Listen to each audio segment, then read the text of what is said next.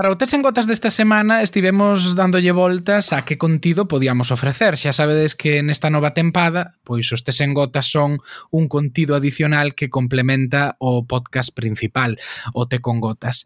Eh, finalmente, eh, despois de moito pensar, pois decidimos que o mellor sería ofrecer en aberto a entrevista completa que tivemos cun dos nosos entrevistados no podcast da semana pasada. E neste caso vai ser con Edelmiro López Iglesias. Non só porque a entrevista pois foi a máis completa das tres que fixemos, ou máis que a completa, a máis global, na que se tocaron un pouco pois todos os, os puntos importantes do debate que, que nos últimos meses xurdiu arredor das macrogranxas e non só das macrogranxas, sino arredor do modelo de producción de alimentos que, que temos a día de hoxe, eh, sino que, bueno, tamén algúns dos nosos suscriptores pois nos pediron que a publicásemos en, en, en aberto.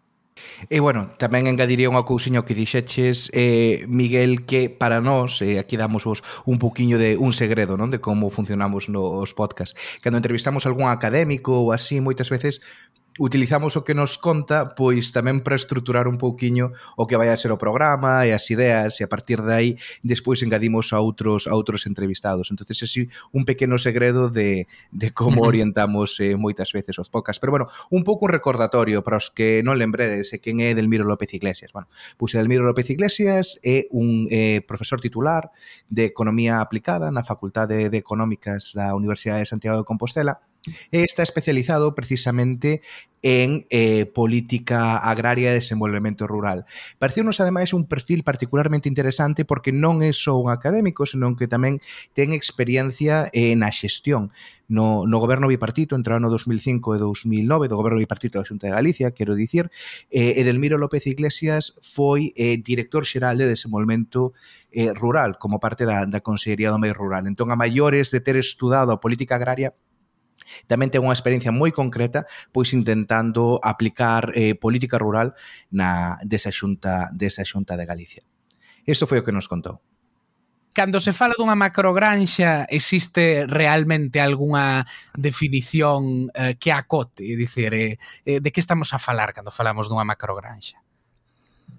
Eu creo que o, o emprego do termo macrogranxa responde a un, a un problema real e é a, a proliferación en algúns ámbitos de explotacións moi grandes e moi intensivas, as dúas cousas, non? pero non hai ninguna definición e iso fai que moitas veces eh, haxe o risco de utilizala casi como unha arma roxadiza eh, e de forma abusiva, é dicir, pode haber persoas que consideren que unha explotación de leite de 50 vacas se lle parece moi grande e que se chama macrogranxa. En todo caso, sin poñerme nada académico, eu creo que si convén diferenciar dos aspectos. Un é o tamaño, para ir ordenando ideas. Un é tamaño, no caso de explotacións gandeiras, número de animais, e outro é sistema productivo, que simplificando o que hai sistemas extensivos e intensivos, de aí en función de cantos animais tes por unidade de, de superficie. Entón, partindo diso, cando un revisa a que se está referindo en xeral a xente cando fala de macroganxas, eu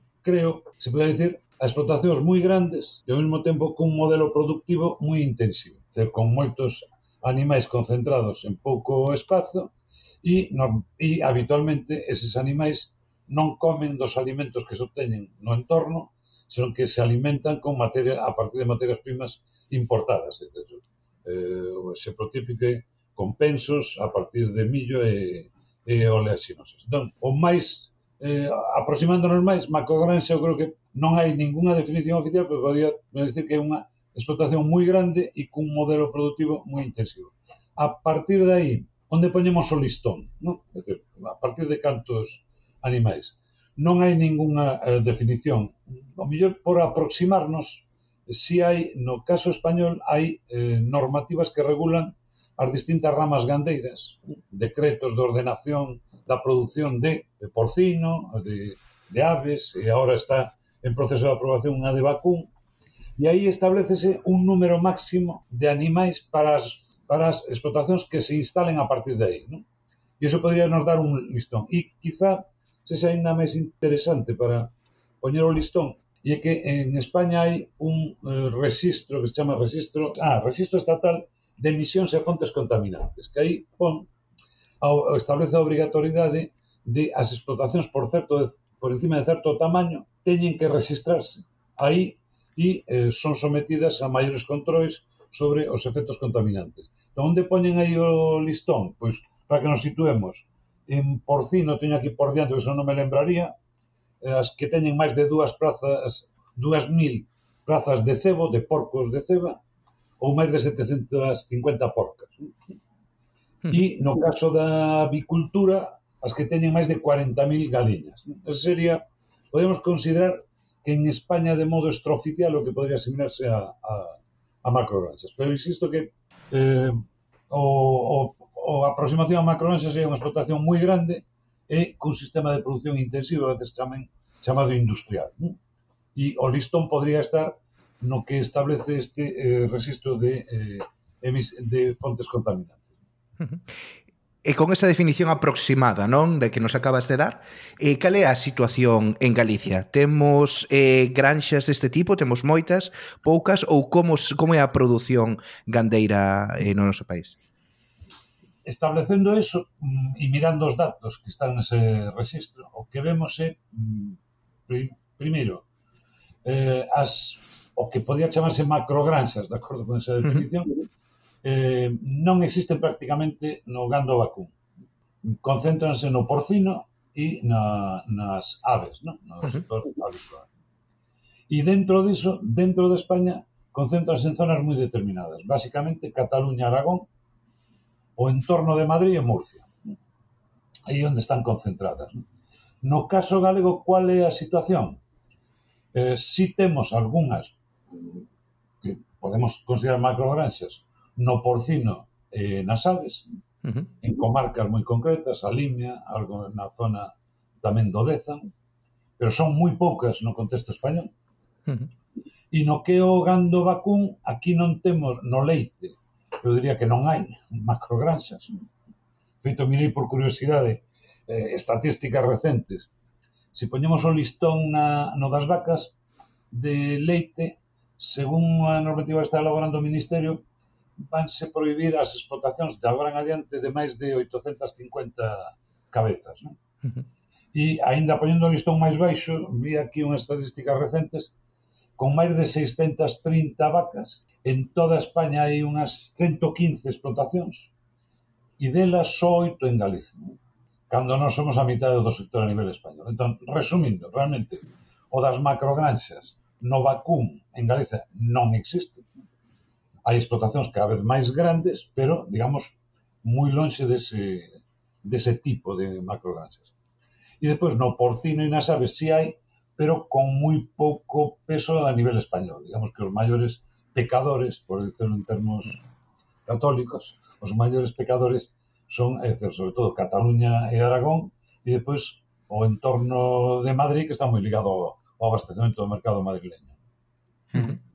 E é necesariamente eh, menos sostible eh, ese modelo de, de grandes explotacións eh, que, que outras máis, máis extensivas? É dicir, cal é o impacto ambiental que teñen este tipo de, de grandes explotacións? Porque eu creo que é bueno, un dos, das críticas principais que se lle fai. Sí, eu creo que se un revisa, é decir, que grandes críticas se fan ás macrogranxas. Eu creo que son de tres tipos. En ese sentido, creo que sí. É decir, que impactos negativos poden ter a proliferación de macrogranxas? Eu creo que por un lado está os impactos ambientais, como fonte de contaminación, que podemos entrar máis en detalle, pero é certo que a concentración dun gran número de animais nun espazo moi pequeno xera un problema de eh, nitrato, é dicir, basicamente, que faz cos residuos gandeiros, por resumirlo.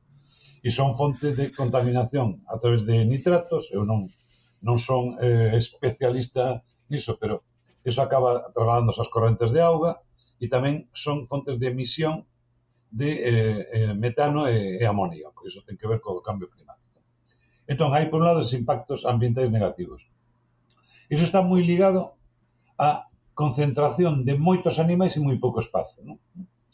E, eh, pero aparte disso, hai outros dous tipos de impactos que creo que ten interese ter en conta. O impacto sobre a salubridade e calidade dos alimentos, se é que o hai, é dizer, os alimentos que producen eh, estas eh, grandes explotacións intensivas son menos eh, fiables e pois está o impacto socioeconómico. Entón eu no, se un revisa a, a evidencia científica que hai, hai un problema claro nos impactos ambientais. Ainda que eso ten moito que ver con como de ben ou mal están xestionadas. Un podría ter unha explotación moi pequena, moi intensiva e que faga unha xestión do punto de vista ambiental moi mala. Non? unha concentración de moitas pequenas explotacións nun concello e con ese tipo de xestión levaríanos a un problema parecido. Non? Pero, mm, digamos que, en principio, os impactos ambientais das macrogranxas intensivas sí son un problema real.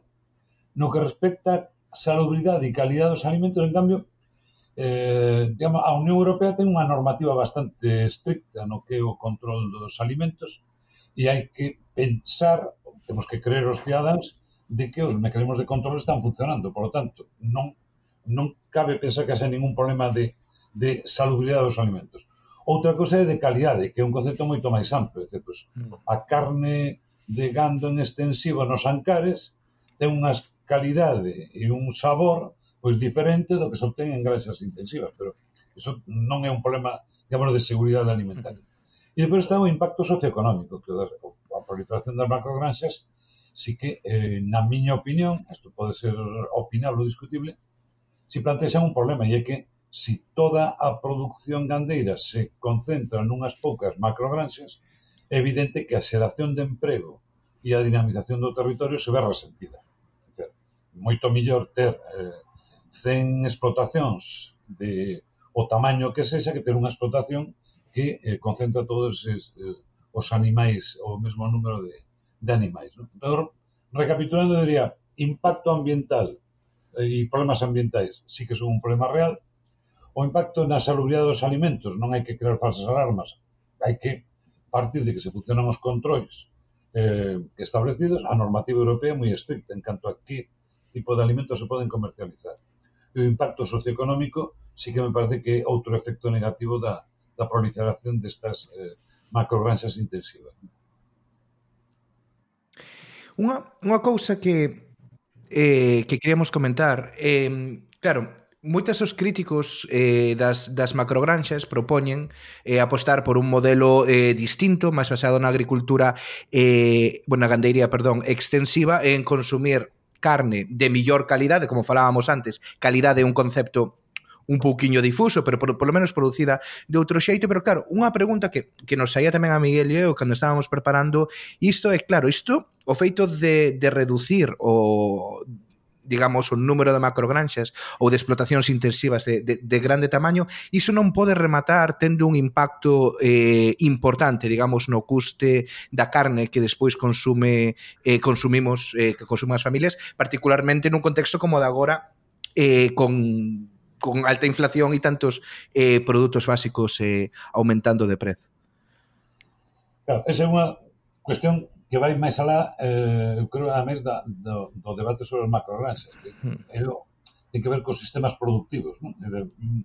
Nos, ao final, eh, por que chegamos a ter unha realidade con explotacións en xeral eh, agrarias cada vez máis grandes, inogando eh, con un forte peso dos sistemas intensivos, polo menos no, no, no que é o porcino e nas aves.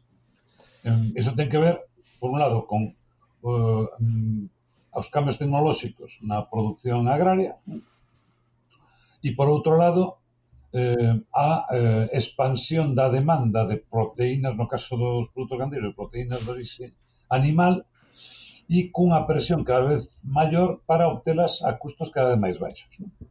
Por iso, Entón, a, a cuestión está moi ligado tamén a que eso acaba condicionando o custe da vida para todos os segmentos da, da poboación.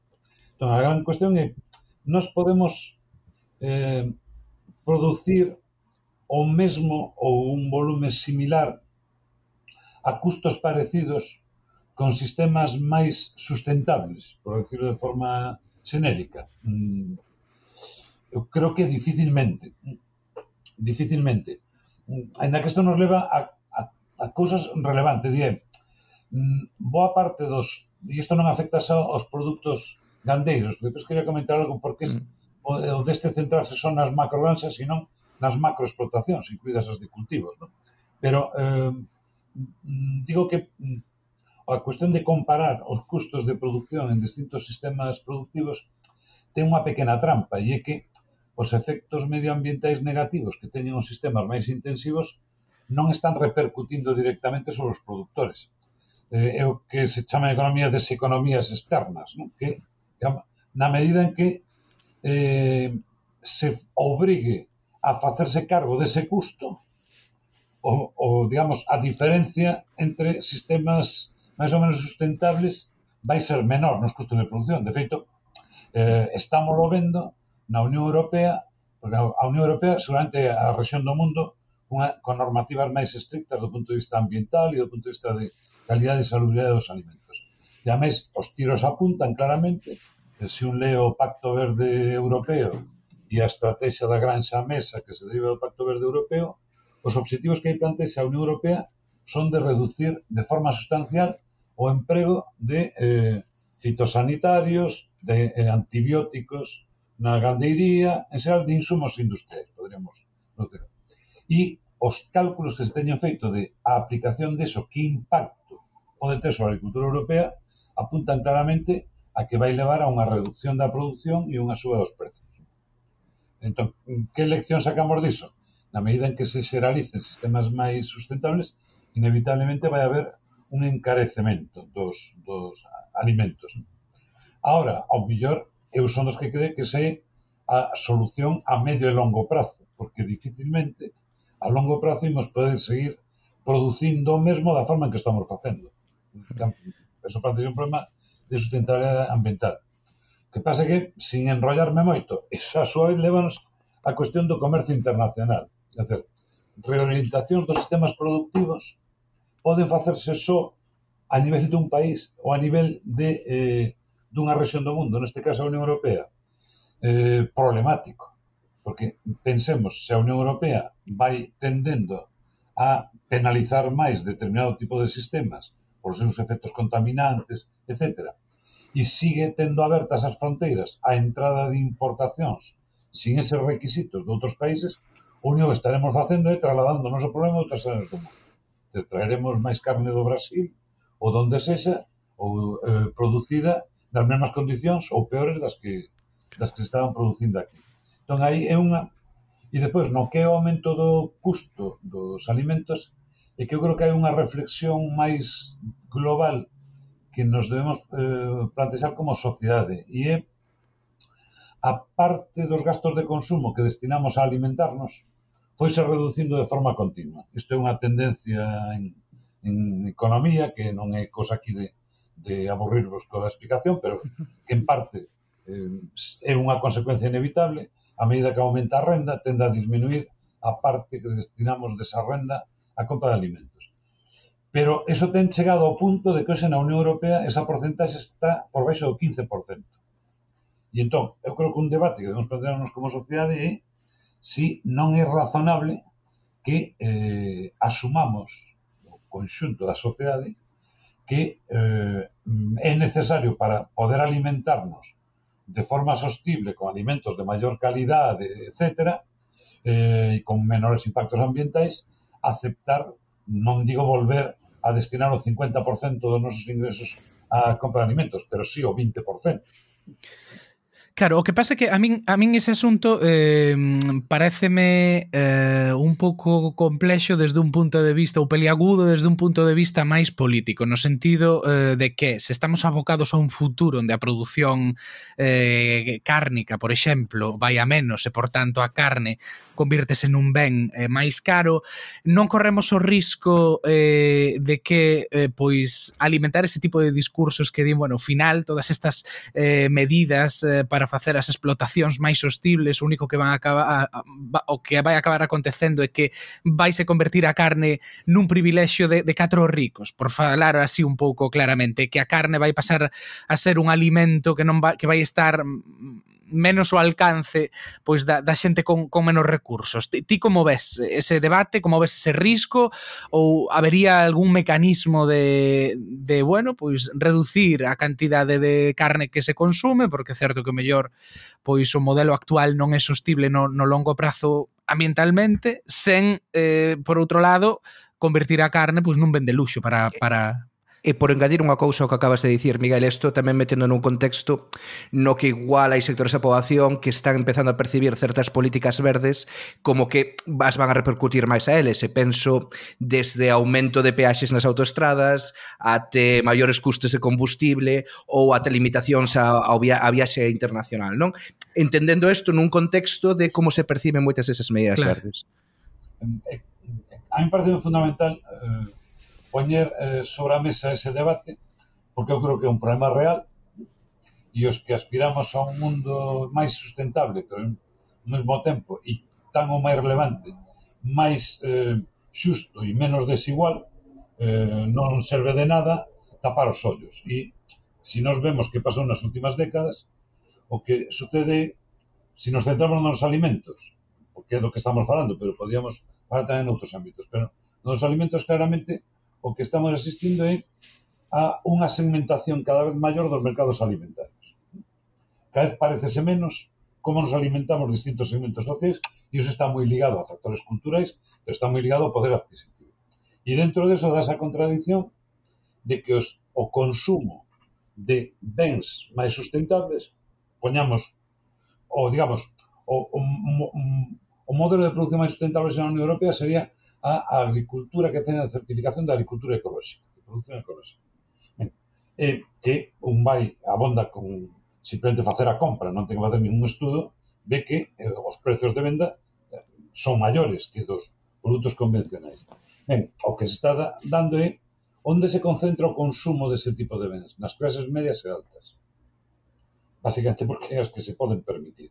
E é unha, moitas veces é unha contradicción, incluso, digamos, de produtores que en boa parte por conciencia social e ambiental se orientan para sistemas máis sustentables, incluída a produción ecolóxica, os seus clientes non, non todos, non ten, pero son maioritariamente de clases medias eh, e altas.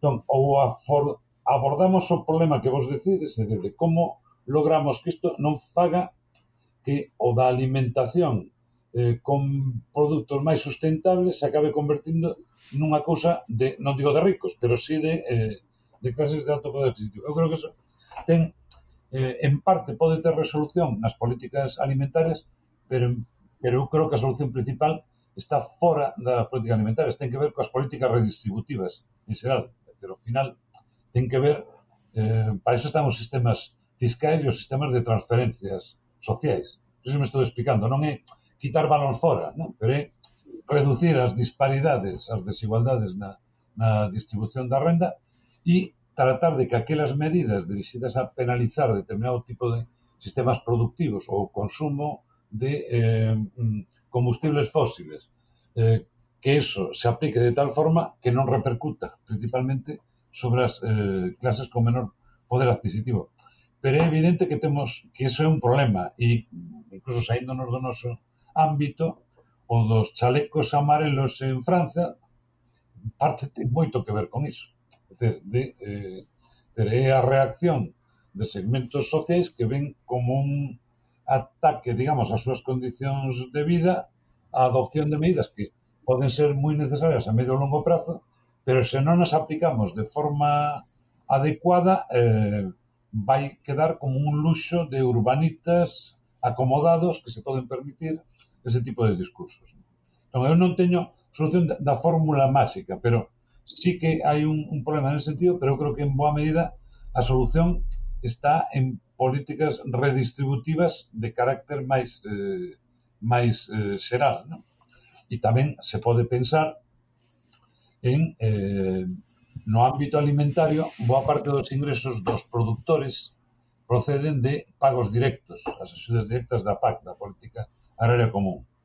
Até agora a maior parte das axudas da PAC veñen derivadas de dereitos históricos e pouco ten, ou nada teñen que ver cos sistemas productivos. Hai algunhas que sí, eh, digamos, son axudas adicionais para os produtores da agricultura ecolóxica ou o que se chaman axudas agroambientais para sistemas de producción máis sustentables.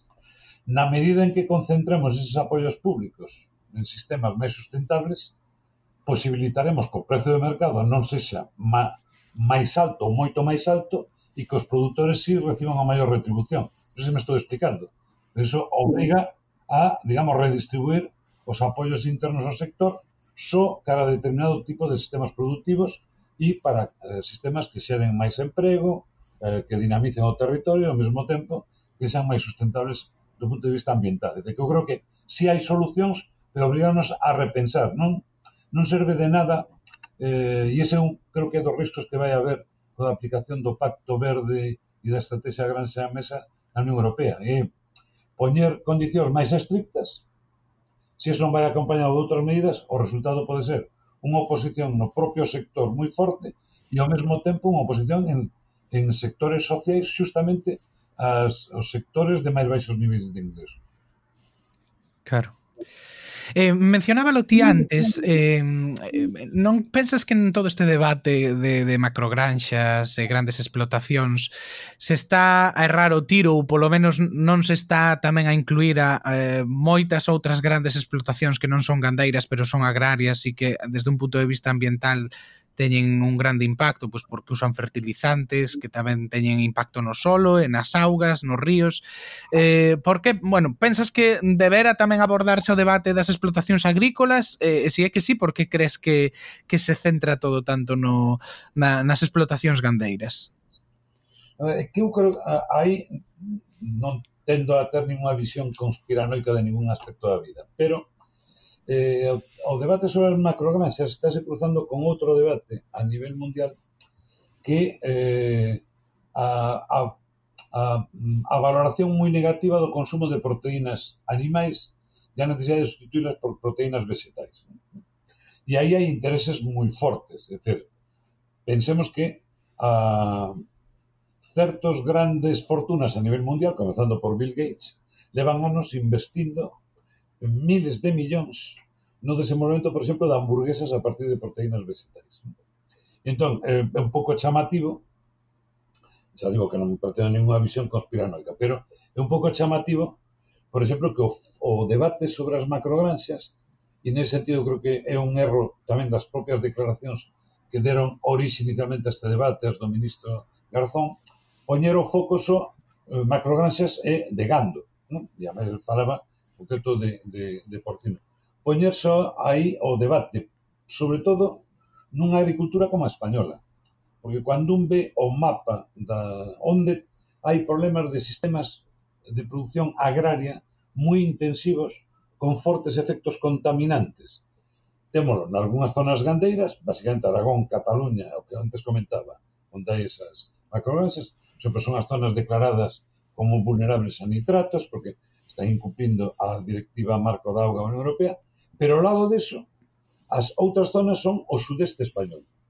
Murcia, o problema que hai na manga do Mar, mar Menor, ten en boa medida moito que ver co crecemento dunha eh, da produción hortofrutícola con sistemas moi intensivos que do punto de vista social basean a súa viabilidade económica no uso de mão de obra inmigrante en condicións moitas veces non as máis adecuadas e é chamativo que nun debate sobre ao final, que debería ser sobre as grandes explotacións intensivas que teñan efectos negativos do punto de vista ambiental e social, que mm, todo se focalizara no das eh, ámbito gandeiro e non no, no que quedara de rositas, digamos, ou desas outras eh, realidades. Eu creo que eso ten que ver cun debate diferente e que ademais hai cada vez en máis sectores da sociedade europea, sobre todo sectores novos, está calando máis que a idea de que o consumo de produtos de orixe animal é malo e aí mestúranse de, de razóns de, de nutrición e saúde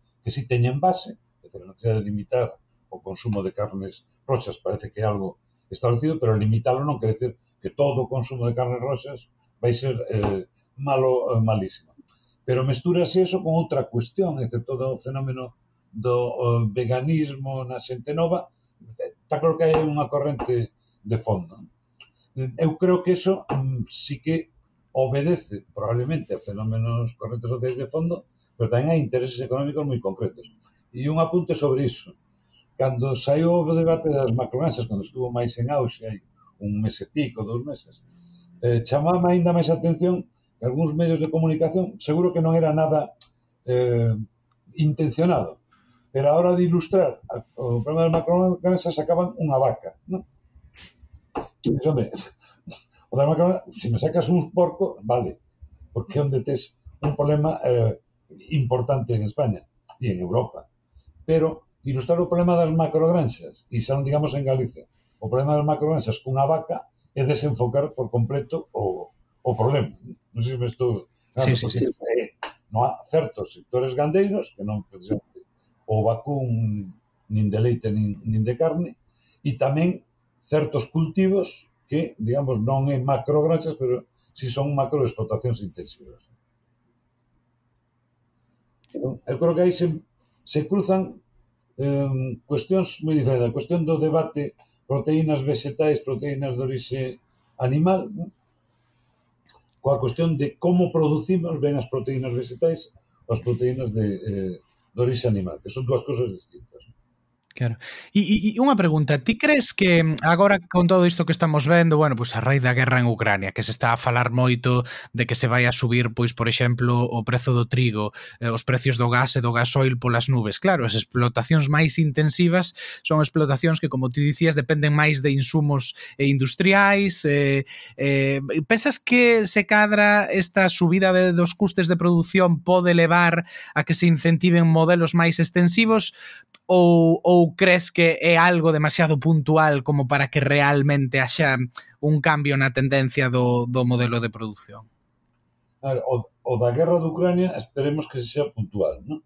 o da, o da hmm. invasión hmm. de Ucrania. Pero aí hai unha corrente que ven máis eh, hacer máis de medio prazo, porque mm, que se observa claramente desde mediados da, da década pasada. E é, en concreto, os, eh, as materias primas que se utilizan para a fabricación de pensos para a alimentación do gando, a partir de 2005-2007, os custos tenderon a dispararse a nivel mundial e con oscilacións periódicas, pero tenden a alza. Que, de algún modo, o, eso ten, moi, ten que ver con factores diversos, sobre todo o aumento do consumo de produtos gandeiros de China, por simplificar, e o feito de que parte deses cultivos se desvíen para a produción de enerxía, para o uso eh, como fonte para a produción de enerxía renovable. Entón, onde quero chegar con isto? O encarecemento desas materias primas é algo que comezou aí ao mínimo 15 anos mm, e que as proxeccións apuntan a que como tendencia a medio prazo se vai manter nas próximas décadas. No, no contexto actual, iso é agravado na medida en que se corten as exportacións de, de trigo, de millo e eh, noutro ámbito de xirasol de, de Ucrania, que é un, abastecedor importante, vai dar lugar, está dando lugar xa, que os prezos do trigo están se disparando nos mercados mundiais, e entón pode actuar, digamos, como acelerador, non?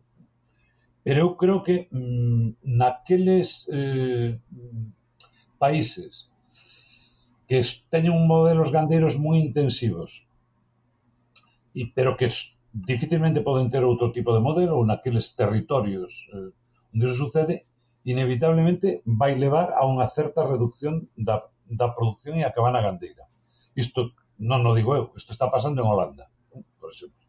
Holanda ten unhas cargas gandeiras moi elevadas e xa leva anos intentando reducir a cabana gandeira. Ou eu creo que vai pasar a medio prazo, por exemplo, na, en, en España, en Cataluña, sobre todo na zona de Lleida. Se o vemos no caso galego, eu creo que é unha oportunidade o encarecemento destas materias primas. Por que? Eh, Galicia eu sempre digo de coña que se aquí cae un marciano e lle explicas que nós temos parte da produción gandeira intensiva, non en macrogranxas, pero sí intensiva. Sobre temos boa parte da produción de leite con fortes cargas gandeiras por hectárea, mm, moi dependentes do uso de eh, pensos para a alimentación do gando. Entón, se explicas ao marciano que ese que temos boa parte da nosa produción con candeira con ese modelo. E ao mesmo tempo temos centos de miles de hectáreas de terreo de alta aptitude agraria que están abandonadas, o marciano pensará que aquí vivimos unha tribu realmente eh, xente rara. Eu creo que teria toda a razón o marciano. Dito en positivo, eu creo que o encarecemento desas materias primas é, mm, é o sinal, pero non de agora, xa de hai 15 anos, e algúns vímolo enfatizando, desde como mínimo 15 ou 20 anos, de eh, aproveitar iso para eh, impulsar políticas moito máis fortes de mobilización de terras para que para producir forraxe que che permita depender menos ou non depender das importacións de alimentos eh, para o gando. Entón, no caso de unha, un territorio como Galicia, eu creo que deberíamos velo como unha eh, oportunidade né? de e eu creo que os propios mm, produtores o ven, dizer, os produtores de leite que durante moito tempo estuveron relativamente cómodos cun modelo moi intensivo porque era rentable económicamente e porque e, e non é porque foran eh, digamos mm, non foran racionais, eran totalmente racionais. Prácticamente tiñan imposible poder comprar ou arrendar terras do redor. E ao mesmo tempo, os pensos que compraban eran tiñan precios relativamente baixos era perfectamente racional tú ter máis vacas, meter máis vacas, alimentándoas con pesos ocupados. Na medida en que ches encareza o penso, tú tes un estímulo para mirar se si eres capaz de reducir o, o compra de pensos eh, podendo eh, aproveitar máis terras actualmente eh, abandonadas ou forestadas, sendo de alto potencial forraseiro no entorno. Entón, eu mm, creo que no noso caso debería axudar a empuxar, pero non a situación puntual agora, eh? porque isto forma parte dunha tendencia que xa ven de atrás e que todas as proxeccións apuntan a que vai seguir. E se o Marciano che preguntase a ti como experto por que os galegos non fan esa movilización de terras da que, da que ti falas para aproveitar mellor o territorio, que lle responderías? Eh, é un tema de desidia eh, por parte da administración? É un tema de apostar por, eh, pois non sei, unha explotación máis forestal ou eucalipto do que tanto se fala? Cal crees que é o motivo? Mm, eu eu creo que diría de entrada que un problema complexo pero que ten solución e que a solución é como en case todos os aspectos da, da vida social ter, ter claro e, e o diagnóstico eh, apuntar as medidas e a partir de aí facer moita pedagogía social para que esas medidas se sean aceptadas socialmente. Eu creo que os dous primeiros pasos están dados, é dicir, de eh, ter claro que temos o problema, e de que medidas se poden aplicar.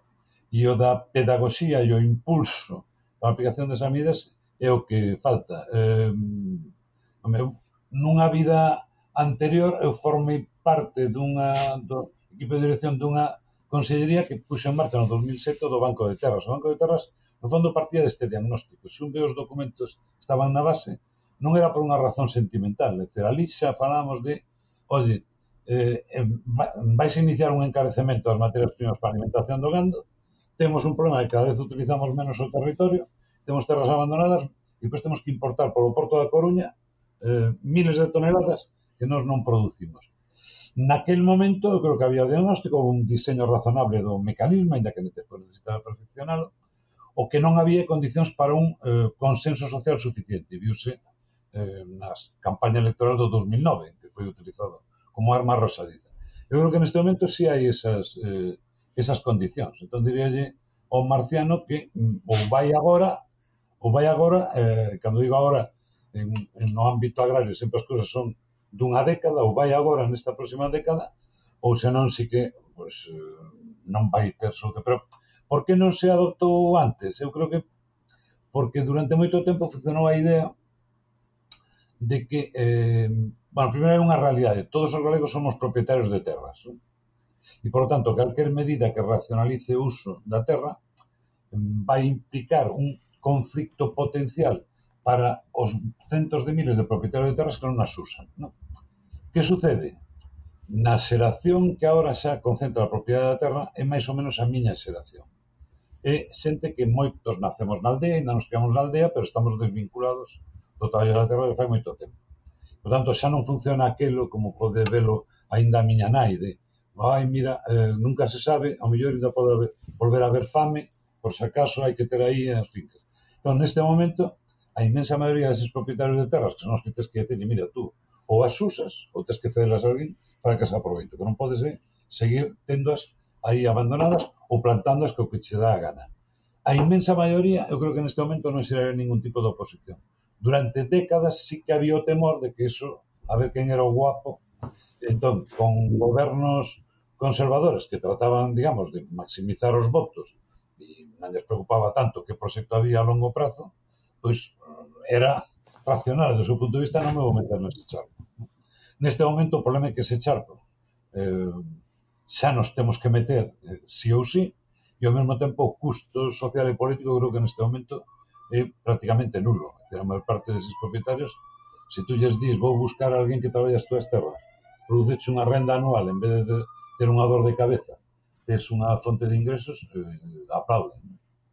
Non sei se o marciano se solto un rollo tan longo, sei se chegaría a, a final da, da, da, da explicación. Pero eu creo que a, a, a explicación está en que é un tema que ten a súa complexidade, e que non se soluciona en política, as cousas máis fáciles son aquelas que dependen do orzamento.